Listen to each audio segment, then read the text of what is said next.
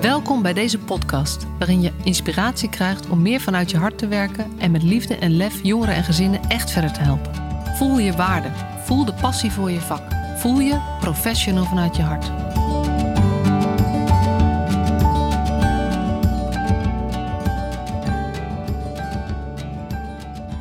Hey, wat leuk dat je weer luistert. Nieuwe aflevering van de Professional vanuit je hart podcast.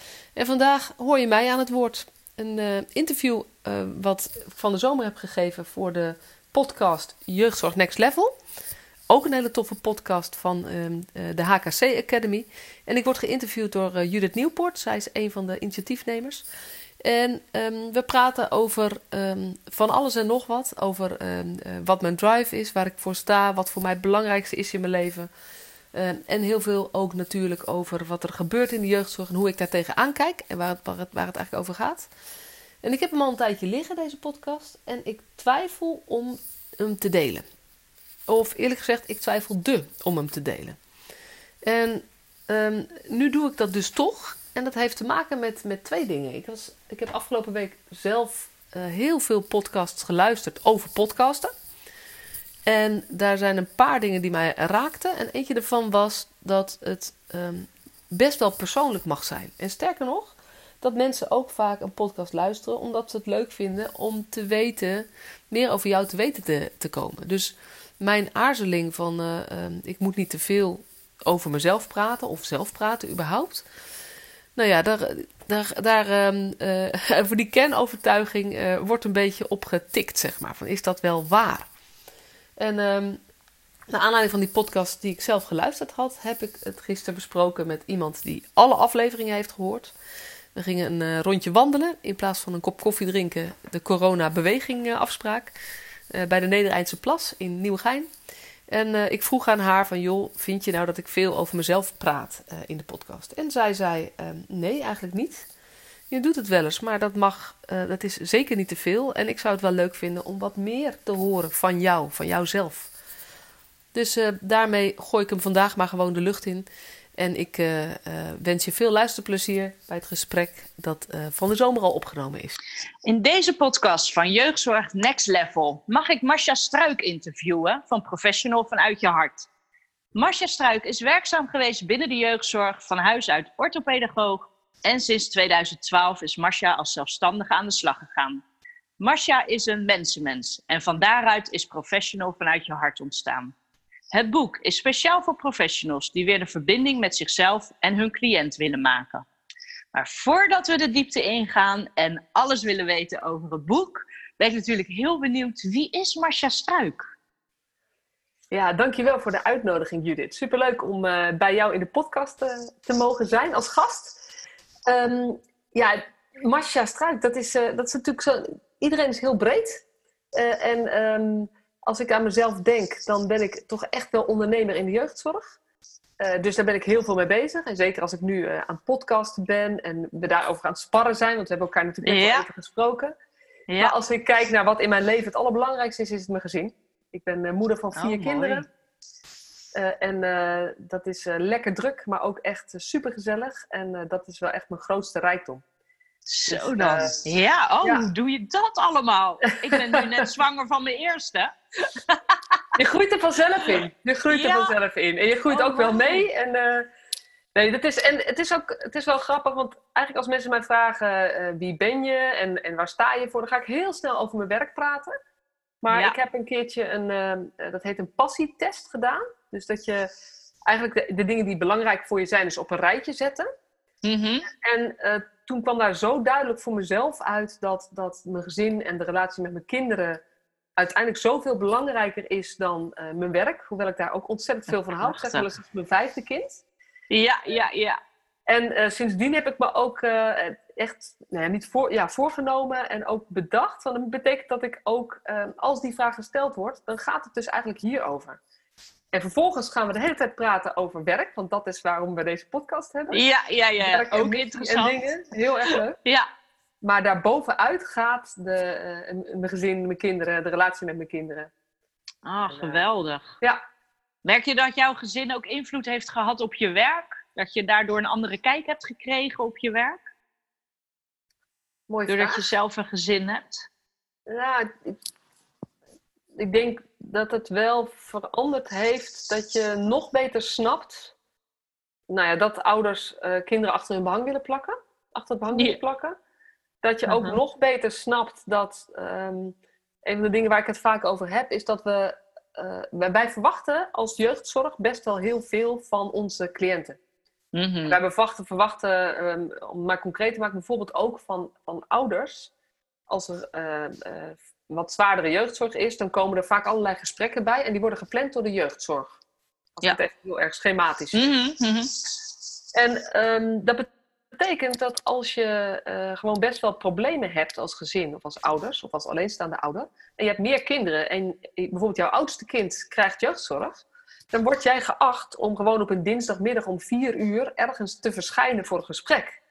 Ja, En ik denk wel sinds ik zelf kinderen heb, en zeker sinds, het- bij mij is het een beetje in twee shifts. Ik heb eh, twee kinderen van 12 en 10 en twee die zijn nu 5 en 3.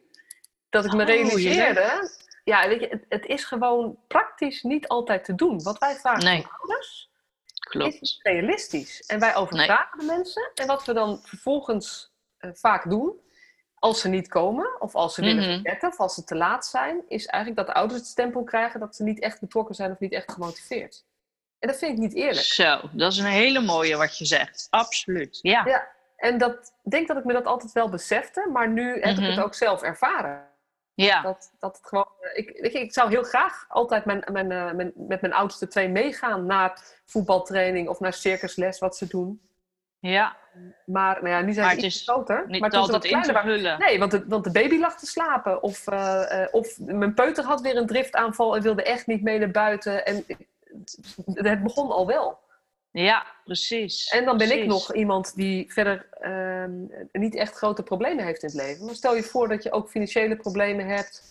Of ruzie in je, met je familie. Of je hebt eh, ehm, eh, schuldeisers aan de deur. Dat is ook financiële problemen. Absoluut, ja, ja, ja, met alle administratie die daarbij komt kijken. Ik bedoel, Ja. net zoals eh, hulpverlening inkopen. Alleen dat is Ja. al een heel traject en, en proces. Ja. Absoluut. Ja, ja dus, mooi. Dat, eh, dus dat denk ik dat ik dat nog meer ben gaan voelen. Dat ik het altijd wel heb gezien, maar dat ik nu ook denk: Ja. van, ja, weet je, we moeten ook meer compassie hebben. Hoe, hoe groter de problemen, hoe meer we vaak Ja. verwachten dat ook bijvoorbeeld ouders bij bepaalde gesprekken zijn. En terecht. Precies. Die moeten er Ja. ook bij zijn. Mm, Maar wat we doen, is dat wij de planning maken. Ja, En daar, dat is wel een droom van mij, dat we dat radicaal omdraaien. dat we dat, we- omgooien. Ja, Ja. ja, Dus dat we dat we eigenlijk veel meer inspraak hebben. Ja, dat we zeggen, wie zijn nou de belangrijkste personen bij dit gesprek? Nou, dat zijn vaak de jongeren, als het over jongeren gaat. En de ouders. En liefst iemand uit het netwerk, of een paar mensen uit het netwerk. Ja. En mijn eh, insteek is dan, laten we dus bij hen beginnen met de planning. En vervolgens kijken welke hulpverleners erbij kunnen zijn. Ja, ja fantastisch. Ik denk dat het daarmee een hele, hele draai maakt in ook, eh, ook eigenaarschap van eh, of regie blijven houden. Want dat, dat roepen we allemaal Ja, wel. Dat ouders regie houden en gezinnen regie houden. Maar eigenlijk nemen wij veel te veel over. Ja, ja, absoluut. En verwachten we ook veel te veel. Dat we denken, hoe kan het nou dat we afspraken maken met eh, de ouders en dat ze die afspraken niet nakomen? Ja. Hè, bijvoorbeeld. En eh, ja, dat je merkt als je zelf niet in een bepaald traject zit of een bepaald traject achter de rug hebt, dat je dan niet begrijpt dat het allemaal een proces is. En processen kosten gewoon tijd. En zeker, nou ja, waar we het over hebben, de intensievere problemen die er zijn, ja, die heb je gewoon niet van vanaf vandaag tot morgen eh, opgelost. Nee. Dat Nee. heeft tijd nodig. Ja, Ik ben ook vaak betrokken bij, eh, ehm, bij residentiële groepen, zeg maar. Ik geef training aan PM'ers. Ook wel ambulant, maar ook vaak bij groepen. en, wat zijn PM'ers? eh, pedagogische medewerkers. Dus Ja. sociotherapeuten worden ze ook wel eens genoemd bij sommige settings. Ja, ja, Ehm, en die, die groepen zitten vaak op plekken die niet eens zo makkelijk te bereiken zijn. Met het openbaar vervoer. Of, eh, eh, of weet je, in ieder geval is het niet in dezelfde buurt als waar de ouders wonen. Nee, en- Wij verwachten dan toch, zeker als het ingewikkelder wordt, dat de mensen uit het netwerk en de ouders naar de groep toekomen om dingen te bespreken. Hmm, En, ehm, eh, en we onderschatten dan hoe moeilijk het soms is voor mensen om dat ook te doen. Om daar ook Ja. überhaupt, überhaupt fysiek te komen. Als je geen auto hebt en je hebt twee kleine kinderen en je hebt geen oppas, want je, je probleem is dat je een te klein netwerk hebt. ja, ja, dat is wat er vaak gebeurt natuurlijk. Mensen die Ja. krijgen een heel klein netwerk, Ja. sluiten zichzelf vaak op. Ja. Ja, klopt, klopt. Hé, maar mooi wat je aangeeft. Ja, zo gaan we ineens van je gezinsleven naar, hè, wat heeft het je, ehm, nou niet, ja, gebracht? Wat, wat, eh, welke inzichten heb je gekregen door je eigen gezin? En dat is wel heel mooi. We werken veel meer, en ook de luisteraars zijn toch veel jong professionals, vanaf een jaar of 25 eh, tot 40. En eh, dan merk je ook dat, eh, dat ze zelf de overtuiging hebben van ja, ik heb geen kinderen. Dus wie ben ik dan om met ouders het gesprek aan te gaan? Is dat ook iets wat jij zelf herkent Nee, van vroeger? nee, Dat heb jij nooit gehad. Nee. nee, omdat ik, welke overtuiging had jij dan daarin? ik geloof nog steeds dat, dat je nooit kan bedenken voor een ander hoe het zou moeten. En dat dacht ik vroeger ook. Dus ik heb nooit het idee gehad, ik moet het nu beter weten dan die ouders. Nou, Eh, en mijn insteek, mijn overtuiging is uiteindelijk dat je eh, veel meer moet, nou ja, dat je gewoon alleen maar moet aansluiten bij waar mensen zelf staan. Dus dat je heel Ja. veel vragen moet stellen en dat je vooral niet te bang moet zijn te zeggen van, joh, weet je, ik weet niet hoe het voelt. Eh, en dan hoef je niet te zeggen, want ik heb geen kinderen, want dit is jouw kind. ja, En het maakt eigenlijk niet uit of je zelf wel of geen kinderen hebt. Ehm, hoeft niet uit te maken. Weet je, het, het kan Nee, wel uitmaken, precies. het kan helpen ja. hoe je jezelf voelt. Maar voor mij is het nooit zo'n belemmering geweest. nee. Omdat ik altijd dacht, ehm, eh, maar zelfs als ik kinderen zou hebben, weet ik nog niet hoe het is om in dat huis te wonen, in die buurt, met die partner of die ex-partner en met deze kinderen. Precies. Voor iedereen is het anders. En, en daar, dat, ja, als, als dat een soort van je basis is, dus de, de, de oplossingsgerichte houding natuurlijk het niet weten, Hmm. eh, dat, dat is waar ik heel erg in geloof. Ik Ja, ja, mooi. niet. Nee, nee. En dat is dan ook tegelijkertijd heel krachtig. Ja. En prettig voor jezelf ook. Want dan ga je ook niet jezelf overvragen. En Nee. dan is het makkelijker om naast de, naast de ouders te staan of naast het gezin. Om Ja. samen op ontdekkingstocht te gaan van wat werkt en wat niet. Ja, precies. En het is, ehm, eh, bij die, het is wel leuk, want bij die residentiële groepen, ehm, daar worden vaak natuurlijk kinderen heen gebracht. Mhm. Die gaan daarheen omdat het thuis niet meer gaat. Ja. En dan krijgen die, ehm, die, die sociotherapeuten, die pedagogische medewerkers, krijgen eigenlijk de opdracht om te zorgen dat het dan wel goed gaat met het kind. Mhm. Daar zit een soort van verwachting in van superouder. Dat hen wel lukt wat de ouders niet lukt. Ja, Maar als je daar, daarop voortgaat, en hetzelfde is als jij als ambulant hulpverlener ergens komt en ouders worstelen ergens mee en jij gaat eigenlijk, neemt- eigenlijk de houding aan van oké, maar nu kom ik jullie helpen en ik kan zorgen dat het weer goed met jullie gaat, dan doe je iets in Mm. ongelijkwaardigheid. En dat is nou precies wat we niet moeten doen. nee, nee, precies. En dat gaat op zo'n onbewust niveau. Met alle Ja. goede bedoelingen natuurlijk van de, van de professionals. Ja. Maar dat is wel iets wat je dan kan installeren, inderdaad. Ja, ik zeg ook vaak, je moet stoppen met superouder zijn. Dus je Ja. moet vooral als je op een groep werkt en je weet het even niet meer met een jongere, want ook daar gebeurt dat. Dan Mhm. krijgen we de neiging om met de professionals te gaan overleggen en weer een superplan te maken en weet ik wat. En eigenlijk zeg ik altijd, ga nou gewoon eerlijk zijn tegen die ouders, dat je het ook soms Ja. even niet weet. Want we willen allemaal dat die ouders meer gaan meedenken en meer gaan, eh, ook hun ja, verantwoordelijkheid nemen, vind ik weer zo vingerwijzend, maar dat ze- Mm. dat, het, dat zij de ouders blijven en ook in die Ja. rol.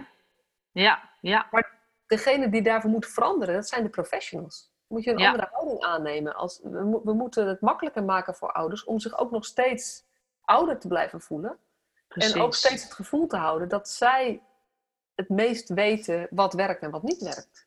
Absoluut. Ja, ja. En daar is denk ik ook een bepaalde grondhouding voor nodig, hè? Voor, eh, vanuit de professionals.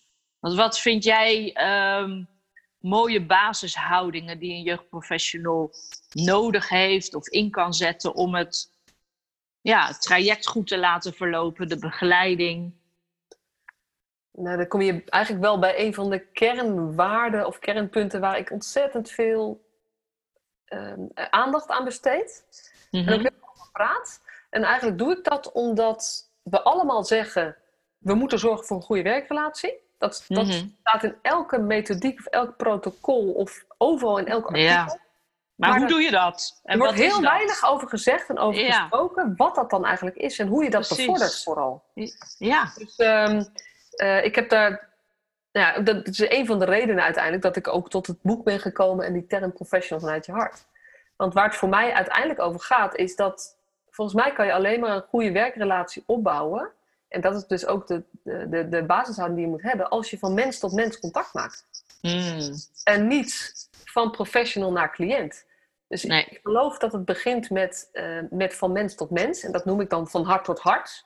Want dan Mhm. hebben we het over verbindingen. Dan hebben we het over een Ja. andere laag dan eh, iemand gaan adviseren of, eh, of vragen stellen omdat je dingen wil weten. Mhm. Dat betekent voor mij een basishouding waarin je vragen gaat stellen omdat je iemand wilt leren kennen en iemand wilt ontmoeten. Ja, dat is mooi. Echt vanuit pure interesse. Ja, en ehm, dat is het vanuit, vanuit je hartstuk, zeg maar. Vanuit van mijn, van mijn eh, eh, ja, hoe noem je het? Benaming of titel. Ja, ja. Vervolgens hebben we natuurlijk heel veel kennis wel. Die we kunnen toevoegen op een gegeven moment. Dus dat Ja. professionele is ook... Het is niet alleen maar, weet je, ga maar lekker koffie drinken... en heb het maar gezellig en komt wel goed. Mhm. Ik vind wel dat dat de basis zou moeten zijn. Dat, Ja, ehm, dat je investeert in gewoon mens-tot-mens contact. Zodat je daarna kunt toevoegen wat je weet vanuit eh, je opleiding, vanuit je ervaring, vanuit wat je ziet gebeuren. Ehm, en als je van mens tot mens begint, zit er, zit er meer gelijkwaardigheid in dan wanneer je Ja. als expert of deskundige daar binnenkomt.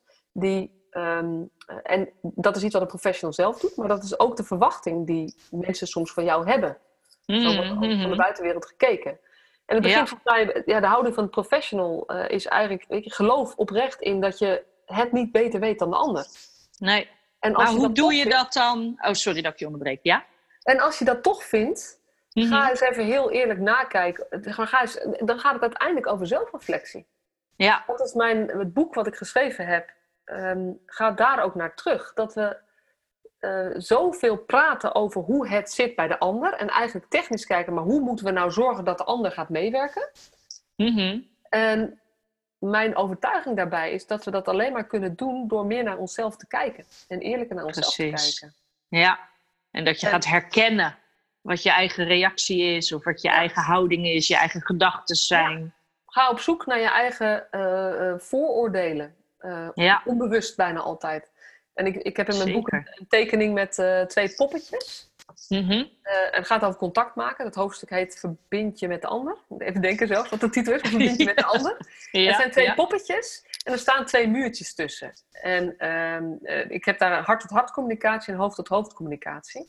En die twee muurtjes gaat over dat het ene muurtje van jou is en het ene muurtje is van de ander.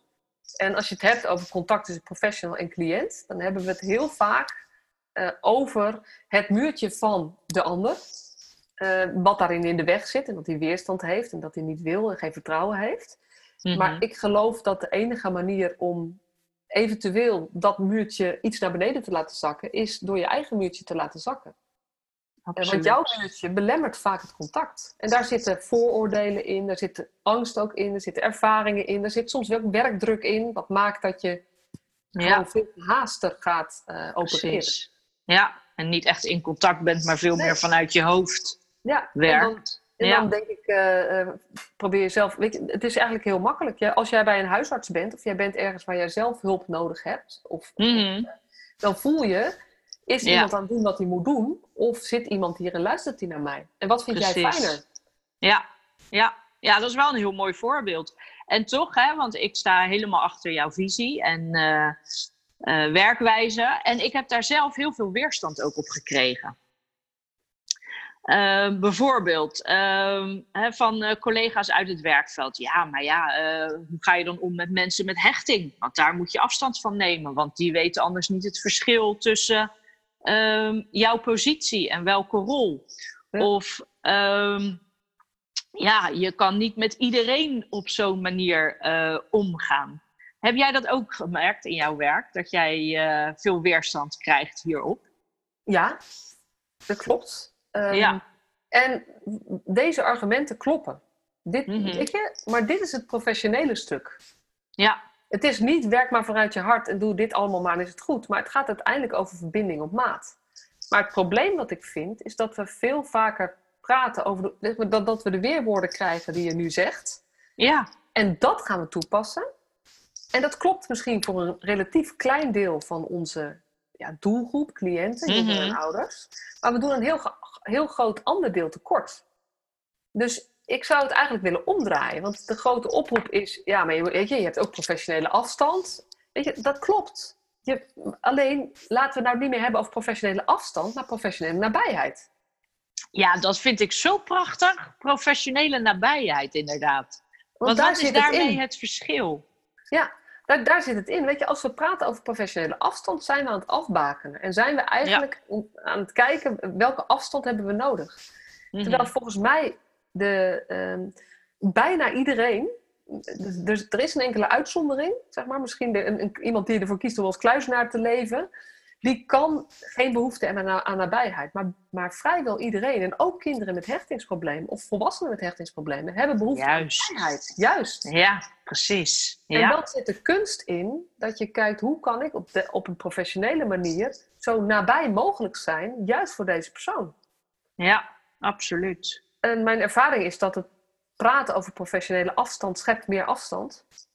Die ook niet helend is. Eh, absoluut Nee. niet. Juist niet voor kinderen met hechtingsproblemen. Want die hebben niet alleen afstand nodig. Die hebben alleen een andere manier van nabijheid nodig. En Ja, die hebben professionals nodig die kunnen omgaan met het feit dat die kinderen steeds weer zeg maar, wegschoppen. En die toch nabij blijven. ja en, mooi. eh, ja, dus voor mij is het een hele. Ik, ik vind echt dat we zouden moeten stoppen met het professionele afstand. Ja, ja. Nee, ja, ben ik mee eens. En ik geloof ook echt daarin dat op, eh, als je op zo'n manier gaat werken, en dat heb je ook vaak eh, hè, als je het hebt over de gesloten eh, inrichtingen. Ik vind inrichtingen verschrikkelijk woord trouwens. Maar ja, de, de gesloten plekken waar mensen blij- verblijven, hè, om wat voor reden dan ook. Als je die nu op deze manier zou benaderen, wat zou er dan veranderen, denk jij? Ja, dat is natuurlijk een heel actueel thema met eh, laat me niet alleen eh, beweging, ook in de gesloten jeugdzorg. Ja, Ehm, weet je, ik, je kan moeilijk zeggen dat het voor iedereen beter wordt. Mhm. Je weet het namelijk niet. En ik ben praktijk, praktijkmens genoeg om ook te zien dat er nog steeds een groep jongeren of een steeds een groep mensen blijft. Want dit gaat hetzelfde geldt voor de volwassen psychiatrie. Waarbij het ontzettend worstelen blijft. ja, Alleen het probleem is dat we op basis van die mensen onze houding gaan bepalen. Op basis van degene die uiteindelijk voor wie, bij wie dit nog steeds lastig blijft. Mhm. Eh, ik denk dat er heel veel kinderen en jongeren en volwassenen zijn die, die, ehm, waarbij je meer het gezonde deel gaat aanspreken op het moment dat je op deze manier werkt. ja, En ik denk dat een deel van de agressie die, eh, die er is, en niet alles, maar een deel van de Mhm. wordt ook opgeroepen door het gedrag of de houding van professionals. van, ja, van de begeleiders. Ja, agressie Ja. met agressie wordt eh, vaak bestreden op zo'n Ja, manier. Ja, dus, dus En dat je- werkt juist averechts. Ja, en dat is ontzettend moeilijk. Zeker als je in een gedrags- gedragsmatig gestuurde omgeving werkt. Ja, Ehm, dus ik geloof daar niet zo in. En zeker niet voor iedereen. Nee, het, het is lastig, want je hebt een groepje eh, kinderen, eh, mensen die, waar je zo erg die grenzen nodig hebt om Mhm. de situatie veilig te houden. Ja. Daar heb ik het antwoord ook niet op. zeker. Nee. Dus dit is niet het antwoord op alle moeilijkste gevallen, zullen we maar zeggen. Want Nee. dat, dat is natuurlijk een beetje het risico dat, dat mensen dan denken van ja, maar dit geldt niet bij die en die. Dan zeg ik ook, nee, dat klopt. Maar kijk eens naar de andere 80%. Of de andere Precies. 60%. Ja, Wat zou die zijn er veel meer. Ja, Ja, en we hebben Ja. het altijd, je hebt de 80-20 regel natuurlijk. Ja. We focussen eigenlijk altijd bij dit, dit soort verandering of een andere insteek. Dan zeggen we ja, maar bij die werkt het niet. Want Mhm. als wij onze, eh, onze afspraken gaan, gaan afstemmen op ouders, zijn er nog steeds 20% van de ouders bij wie het niet gaat werken. Zeg maar. Nee. Die steeds afwezig blijven. Maar ik denk dat de grootste groep, ehm, dat we daar meer samenwerking krijgen. ja, Ook absoluut. eh, binnen de gesloten jeugdzorg, dat we meer, met meer jongeren een samenwerkingsrelatie kunnen opbouwen als je meer vanuit professionele nabijheid werkt. Ja, zeker, zeker. Ja, en ook als je daar eh, vroegtijdig eh, aanwezig bent hè, binnen de gezinnen. Ik bedoel, je kan Ja. zo mooi preventief werken. Ja. En uh, ja, vaak uh, basisschoolkinderen die zijn nog heel erg leerbaar en stuurbaar. Ja, en uiteindelijk uh, hadden we het in, van tevoren al even over, van hoeveel focus ligt er op de kinderen. Mm -hmm. Ik geloof dus eigenlijk dat je ehm, bijna altijd is het, het gedrag van kinderen of de problemen die ze laten zien, uh, heeft een relatie met dat nou ja, overbelasting van ouders of ingewikkelde patronen in een gezin. Ja. En die kinderen hebben iets te leren, maar uiteindelijk horen gewoon kinderen en ouders en hun systeem horen bij elkaar. Ja, ja door, je kan het niet loszien van elkaar inderdaad.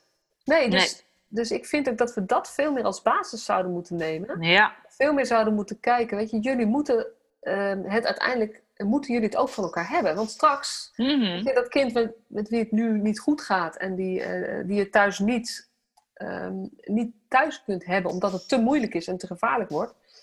Uiteindelijk wil je, denk ik, als die 25 is, dat jullie wel gewoon contact hebben.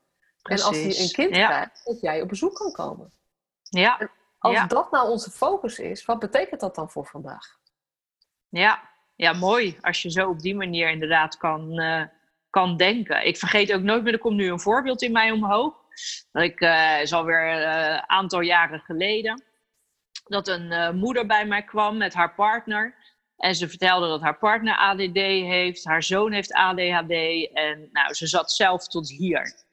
Nou, lang verhaal kort, ik stelde voor om met haar een coachtraject aan te gaan. Nou, ze was ziedend van woede. Hoe ik dat durfde voor te stellen, omdat zij geen diagnose had, ze had nergens last van. En uh, haar man en haar zoon, want daar kwam ze eigenlijk voor, die wilden ze in een traject uh, graag hebben. Dat zij begeleid zouden kunnen worden. Dus ik zei tegen haar, ik zei, nou, ik snap je helemaal en ik begrijp het. Maar ja, je emoties zitten ook zo hoog, dat zie ik. Ik zeg, het zal je alleen maar opluchten als je die stap zet. Ik zeg, en als je na de eerste coachsessie denkt van, nou, ik vind helemaal niks, dan stoppen we er toch mee. Maar ik gun het je gewoon zo, omdat ik merk hoe, hoe jij ermee te dealen hebt. En het lijkt me ook wel zwaar. Nou, en ik heb nog steeds uh, zijdelings hoor, contact met haar. Maar ze zegt, dat moment heeft mijn leven echt veranderd. Omdat ik op dat moment echt in die stellige overtuiging was van... hé, hey, met mij is er niks, ik hoef daar niet aan te gaan. Dat is voor mijn man en mijn, en mijn zoon. Ze zegt, maar het heeft me zoveel gebracht en zoveel inzichten... waardoor ik nog steeds op de dag van vandaag... en haar zoon is ondertussen 18 uh, mee kan uh, dealen. Want ja, de kinderen die maken natuurlijk heel veel levensfases door in best relatief korte tijd. En hoe ga je daar ook als ouder op een juiste manier mee om? Zodat je ook weer vertrouwen krijgt in jezelf. Ja, nou en het is eigenlijk hetzelfde thema als waar mijn boek over gaat en wat voor professionals geldt. Deze moeder, uh, heel mooi voorbeeld, leuk dat je het deelt. Deze moeder was ook bezig met hoe verandert de ander zodat mijn leven makkelijker wordt. Ja, inderdaad. En hoe dat ik ermee ja. kan dealen. Maar mijn, mijn overtuiging is dat je de ander niet kunt veranderen. Nee. Dat je dat is, de, enige, ja. de enige mogelijkheid die je hebt, als je ergens last van hebt, is dat jij gaat kijken wat jij kunt veranderen aan jezelf of met jezelf of in je eigen situatie. Ja. Um, en dus dat gaat eigenlijk over regie nemen over je eigen leven. Absoluut. En dat ja. geldt bij deze moeder. Ik denk, um, is haar, zijn haar zoon en haar man anders geworden? Ik denk het niet. Maar zij heeft meer leren dienen met hoe ga ik ermee om. En dat Precies. is ook uh, wat ik professionals heel erg gun. Want dat gaat ook over, over uh, weet je, wat gebeurt er als je meer vanuit die nabijheid gaat werken. Je werk als professional wordt gewoon toffer. Mm, uh, want Absoluut. Daar gaat ja. het uiteindelijk ook over. Hoe, als jij beter voor jezelf zorgt, als jij beter zorgt dat het voor jou beter wordt, drie keer beter ja. in uh, fijner wordt, ja. dan um, ga je ook beter werk leveren. Maar dat betekent ja. wel dat je naar jezelf moet kijken. Moet, Precies. moet niks. Maar ik denk nee, dat maar het is wel handig om dit werk inderdaad goed te blijven, te blijven doen. Ik heb een keer een lezing gevolgd van uh, uh, een hoogleraar uit de GGZ, Philip een, een Belgische man, Philippe Dartot, als ik het goed zeg. En hij zei het heel mooi. Hij zegt, we moeten af van de overtuiging dat we een diagnose weg kunnen halen. Hij zegt, waar we naartoe moeten, is dat we ervoor hebben te zorgen dat mensen weerbaar worden en dat ze leren omgaan met de diagnose. Hè, en alle uitingen die daarbij horen. Dat vond ik ook wel een mooi uitgangspunt. En ja, dat is natuurlijk een soort doel, een soort visie die je daarover kan hebben. En vanuit jouw uh, stappenplan, professional vanuit je hart, is dat wel te bereiken. Nou, in ieder geval ga je meer kijken hoe wil jij het hebben en wat is voor jou fijn of acceptabel, zeg maar. En hoe zorg je dat je, dat je het zelf uh, beter maakt? Want het boek is geschreven voor, uh, voor jeugdzorgprofessionals, jeugdprofessionals. En ik heb ook reacties van mensen uit onderwijs en uit de GGZ en uit... ja, die kunnen dat ook prima toepassen natuurlijk. Het is heel breed, breed ja. toepasbaar eigenlijk, maar de voorbeelden gaan vanuit jeugd. Ja. En ik heb het geschreven omdat ik zie dat zoveel professionals eigenlijk worstelen binnen ons systeem. En er wordt veel, ehm, ook wel terecht vind ik, gemopperd op het systeem. Mm. Want er zitten ontzettend veel dingen in die het heel moeilijk maken om uh, op een goede manier met jongeren en ouders te werken die te werken, hulp ja. nodig hebben. Ja. Maar het geklagen over het systeem helpt jou geen steek verder. En dat het systeem ingewikkeld in elkaar zit, die vaststelling, maakt je eigenlijk alleen maar somber. Ja. Dus wat ik zag gebeuren, gewoon, je, hebt, je hebt een deel van de bevlogen mensen die verlaten de sector. Mm Omdat Heel ze zo veel, teleurgesteld zijn. Veel te Ja. veel. Je hebt Ja. een deel van de mensen die vlakt af. En die worden, als ik het heel, ehm, eh, meestal in de spreektaal zeg ik, worden protocollenneukers. Dat is heel uh, lomp gezegd, maar die gaan Mooi, ja. doen Ja, wat ze ja. moeten doen. Ehm. En niet meer hun kop over mij, maar eigenlijk ook niet, Niet meer, meer echt zelf nadenken. waar ze voor staan. En Nee. die kunnen daar in ieder geval een tijdje mee leven. Ik geloof dat het op termijn je uitholt. Ja, maar joh, kan voor een bepaalde periode kan dat prima zijn. En je hebt ook mensen die lopen vast. En die worden dus ziek. Die vallen uit met stressklachten of burn-out. En dat heeft soms tot resultaat dat ze alsnog de sector verlaten. Alleen dan niet Mhm. op tijd. En mijn Nee. boek is eigenlijk geschreven om professionals ehm, eh, te helpen. Hoe kan je nou zorgen dat jij binnen dit systeem niet alleen overeind blijft, maar dat je er ook waarde uithaalt en waarde toevoegt en dat jij die bevlogen professional kunt blijven. Precies. Vooral dat. Ja, Ja, omdat heel veel eh, professionals zijn toch ook de redders, de helpers, de Ja. harde werkers. Super loyaal aan de gezinnen. Voelen zich mega verantwoordelijk voor, eh, voor de problemen. Ik sprak pas eh, onlangs nog iemand. En die gaf ook aan van ja, ik eh, kan gewoon geen vrije dag nemen. Want ja, dan laat ik mijn gezin in de steek. Zo voelden ze dat. En dat is zo mooi dat dat wel wordt benoemd. Waardoor je het kan gaan herkennen. ja dat is Maar- het. Dat vind ik zelf een van de mooiste hoofdstukken in mijn boek. Dat is Stop met redden. En dat gaat Ja. over de reddersdriehoek. Eh, en daar zit in wat jij eh, nu beschrijft, zeg maar. Dat, dat je, als, je kan je zo verantwoordelijk voelen. Maar daarmee nemen we ook verantwoordelijkheid over van degene van wie het probleem eigenlijk is. Ja, precies. En dat lijkt Ja. heel goed. En dat lijkt heel, eh, heel fijn. En de mensen zijn er ook op korte termijn heel blij mee. Mm, Maar als je kijkt naar de langere termijn, schiet eigenlijk niemand er wat mee op. nee, precies. Want je krijgt een afhankelijkheidsrelatie waar jij inderdaad niet meer op vakantie kan of een dag vrij kan nemen.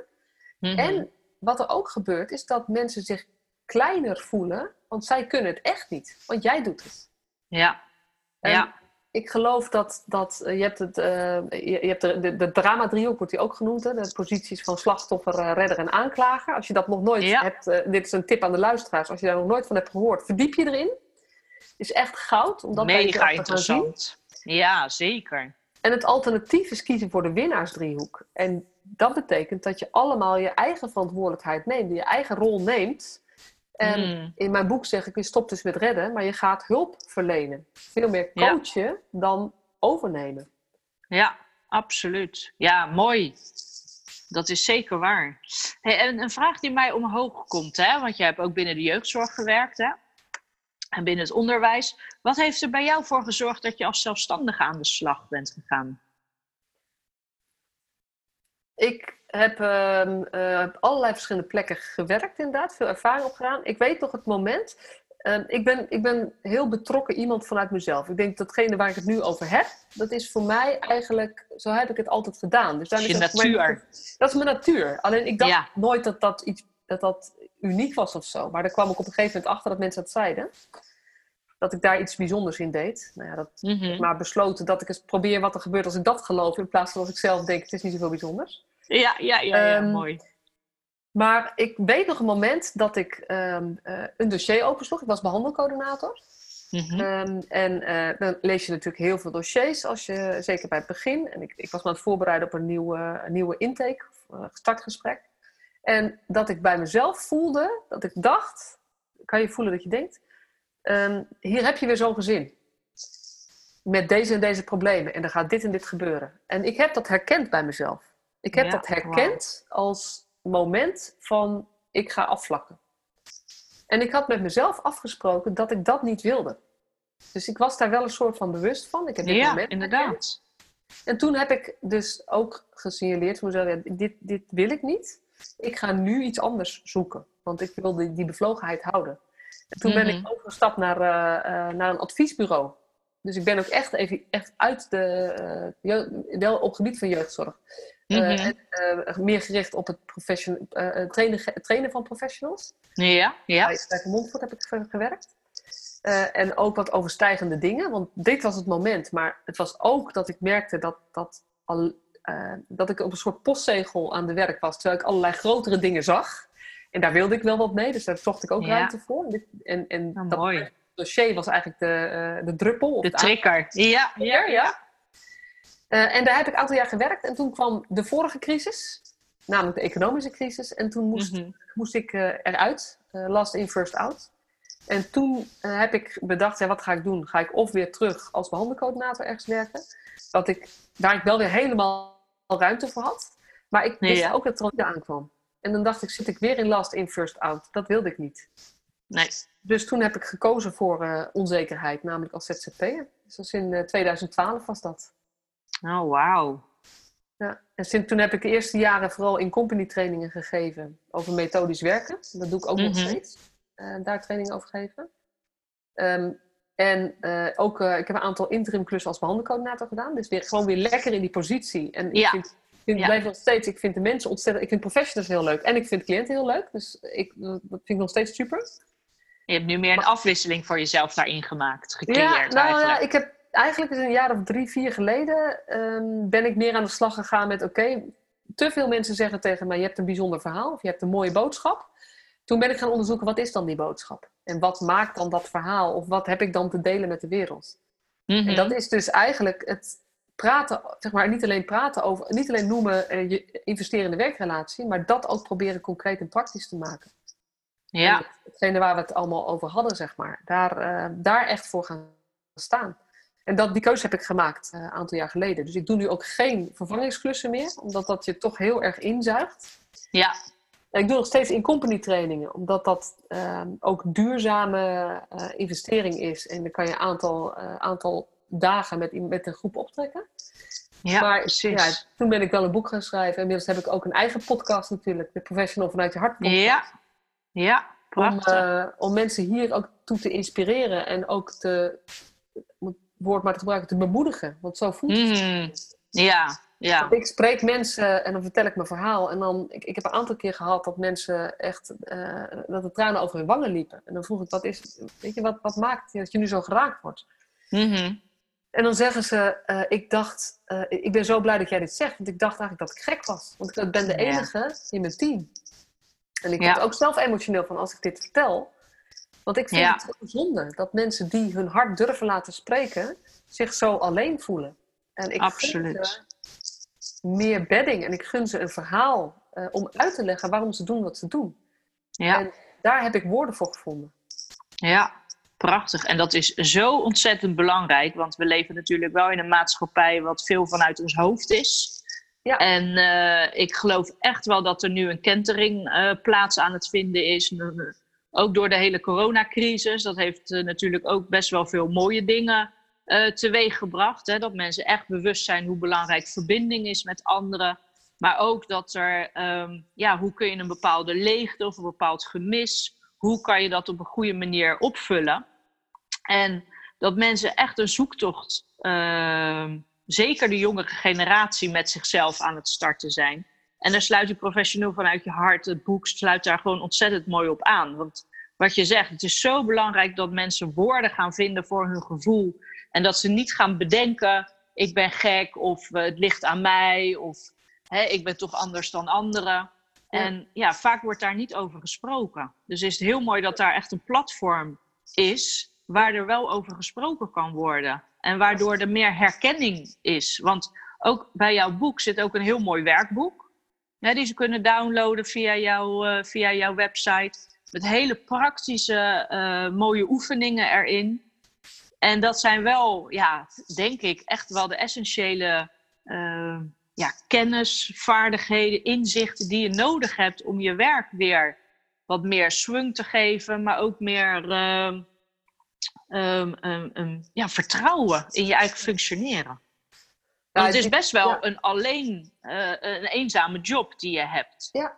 He, heel veel jeugdprofessionals werken wel alleen. Ja. ja, en de ondertitel van mijn boek is natuurlijk Maak met liefde en lef het verschil in de jeugdhulp staat er achteraan. Maar dit zou ik, weet je, ik, ik heb er ook wel over gedacht of ik het erachter zou zetten. Ik heb het uiteindelijk wel gedaan, maar het geldt natuurlijk net zo goed voor forensisch. Het geldt voor, uh, ja. het geldt eigenlijk ook voor de thuiszorg. En het geldt voor de ouderenzorg. En het geldt voor uh, mensen die bij gemeenten werken. Als je consulent bent, mm. je uiteindelijk wat maakt het verschil? En, en uh, liefde en lef. Het woord lef staat erin, omdat het wel vraagt om af te wijken soms van wat nu eenmaal in het protocol voorgeschreven is. Ja, ja. En durven doen. Ja. Durven doen. En, en daar zit bij heel veel mensen de bottleneck. En ik, ik schrik zelf ook wel van de young professionals die ik tegenkom. Die eigenlijk tegen me zeggen van... joh, ik ben pas vijf maanden aan het werk. Maar ik ben blij dat ik deze training krijg. Want eigenlijk was ik mijn, uh, uh, mijn eigen missie al kwijt. Ja, klopt. Klopt. Ja, er komt zoveel op ze af. Nou ja, en, en, de, en het, systeem is, en het systeem is heel sterk. En het systeem helpt niet om op deze manier te werken, vanuit deze houding. Dus je hebt ook lef nodig om het anders te doen. En er zijn mensen die kunnen dat gewoon. En die, die, mm. die, zeggen, tegen, zeggen over mijn verhaal van, ja, weet je, het is toch logisch? En tegen hen zou ik willen zeggen, als je luistert en je denkt, ja, dit is toch logisch, weet je, dit is een soort gebakken lucht. Zo voelt het voor mij ook namelijk. Ja, ja, maar ik zou willen zeggen, realiseer je dat het voor heel veel mensen niet logisch is, maar juist lastig. Dus juist mensen die zich herkennen hierin en die zeggen: Ja, weet je, zo werk ik gewoon graag. Ga mm. alsjeblieft aan je collega's vertellen over hoe je dit doet. En ga alsjeblieft vertellen uh, wat het je brengt. En wat maakt, wat je bijvoorbeeld over jezelf deelt. Of hoe jij contact maakt. Want blijkbaar doe je daar iets anders in. Ja. En dat zie je zelf niet, dat voel je zelf niet. Maar we als sector hebben het nodig. He, ja. Het nodig dat je de voorbeelden geeft, want heel veel mensen zijn bang om iets over zichzelf te delen aan cliënten. Of mm. richting collega's. Of mensen zijn bang om af te wijken van een protocol. Terwijl er ook een deel van de professionals is. Zeg, ja. Als het nodig is voor de cliënt, ja, dan kan het protocol maar even maar aan mijn reet roesten.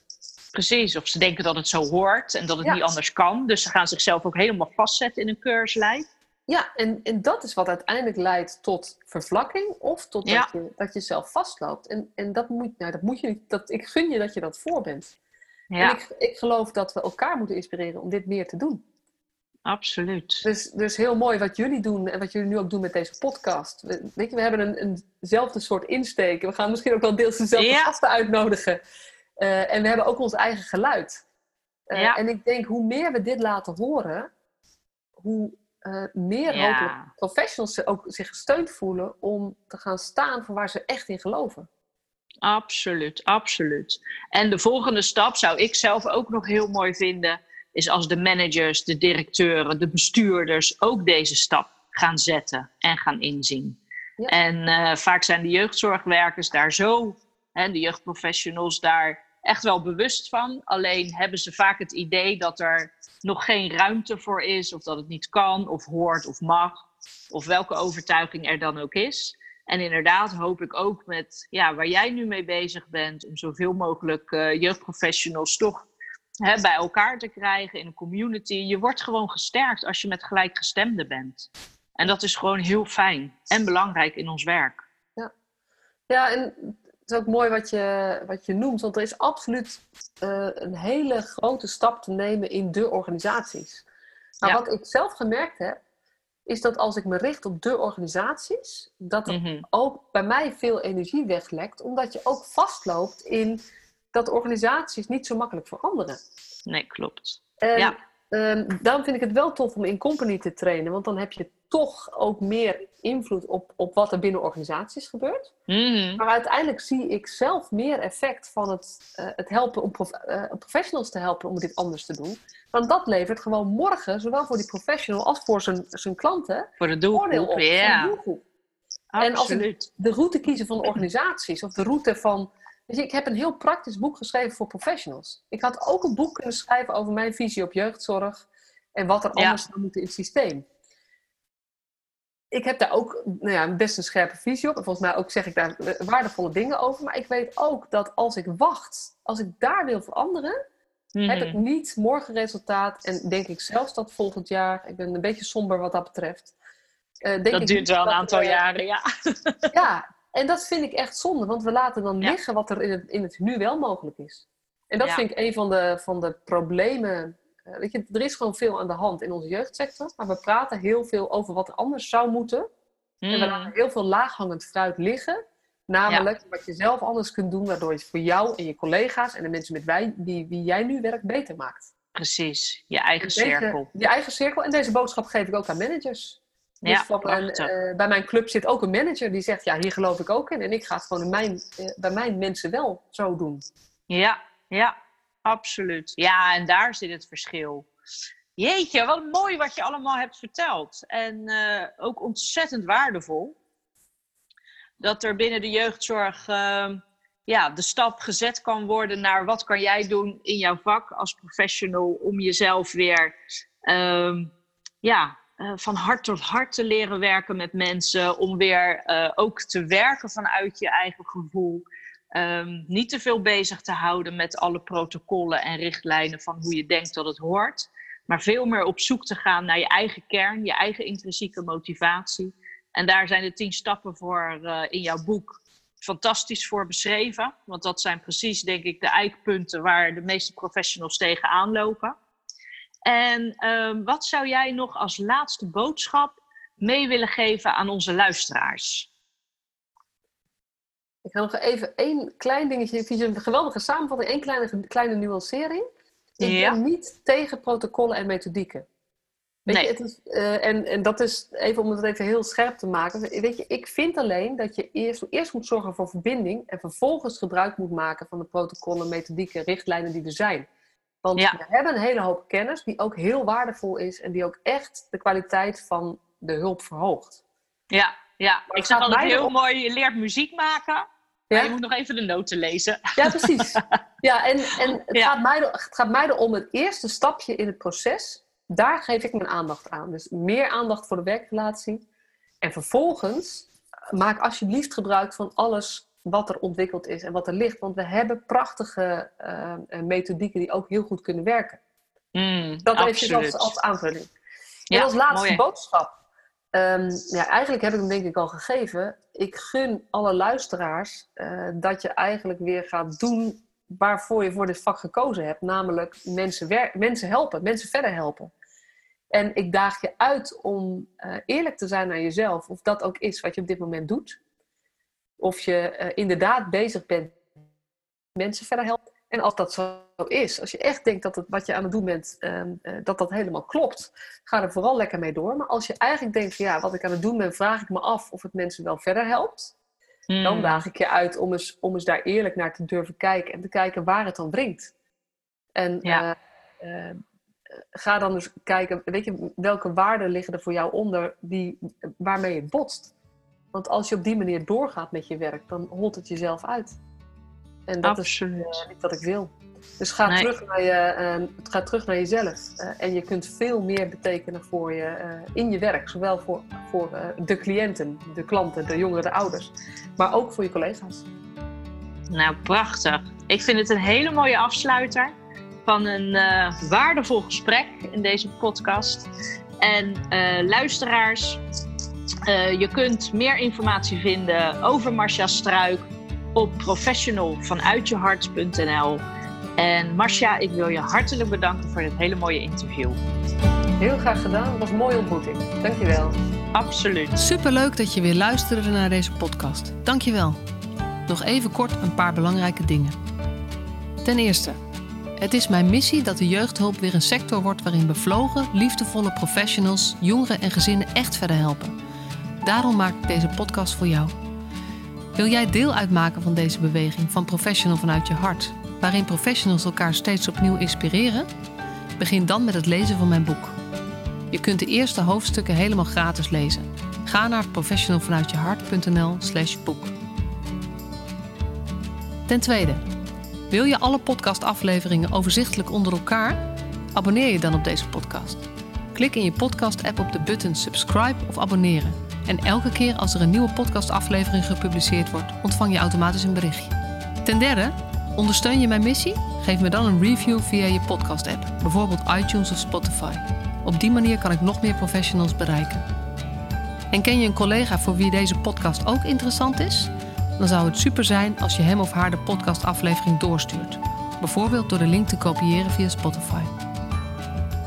Ik vind het altijd heel leuk om berichtjes te ontvangen van luisteraars om te horen wat je van een podcast vindt, of als je misschien vragen of suggesties hebt. Of als een aflevering je een bepaald inzicht heeft gegeven of er iets in beweging is gekomen. Stuur me dan even een berichtje op masha.professionalvanuitjehart.nl via de website of stuur me een connectieverzoek op LinkedIn.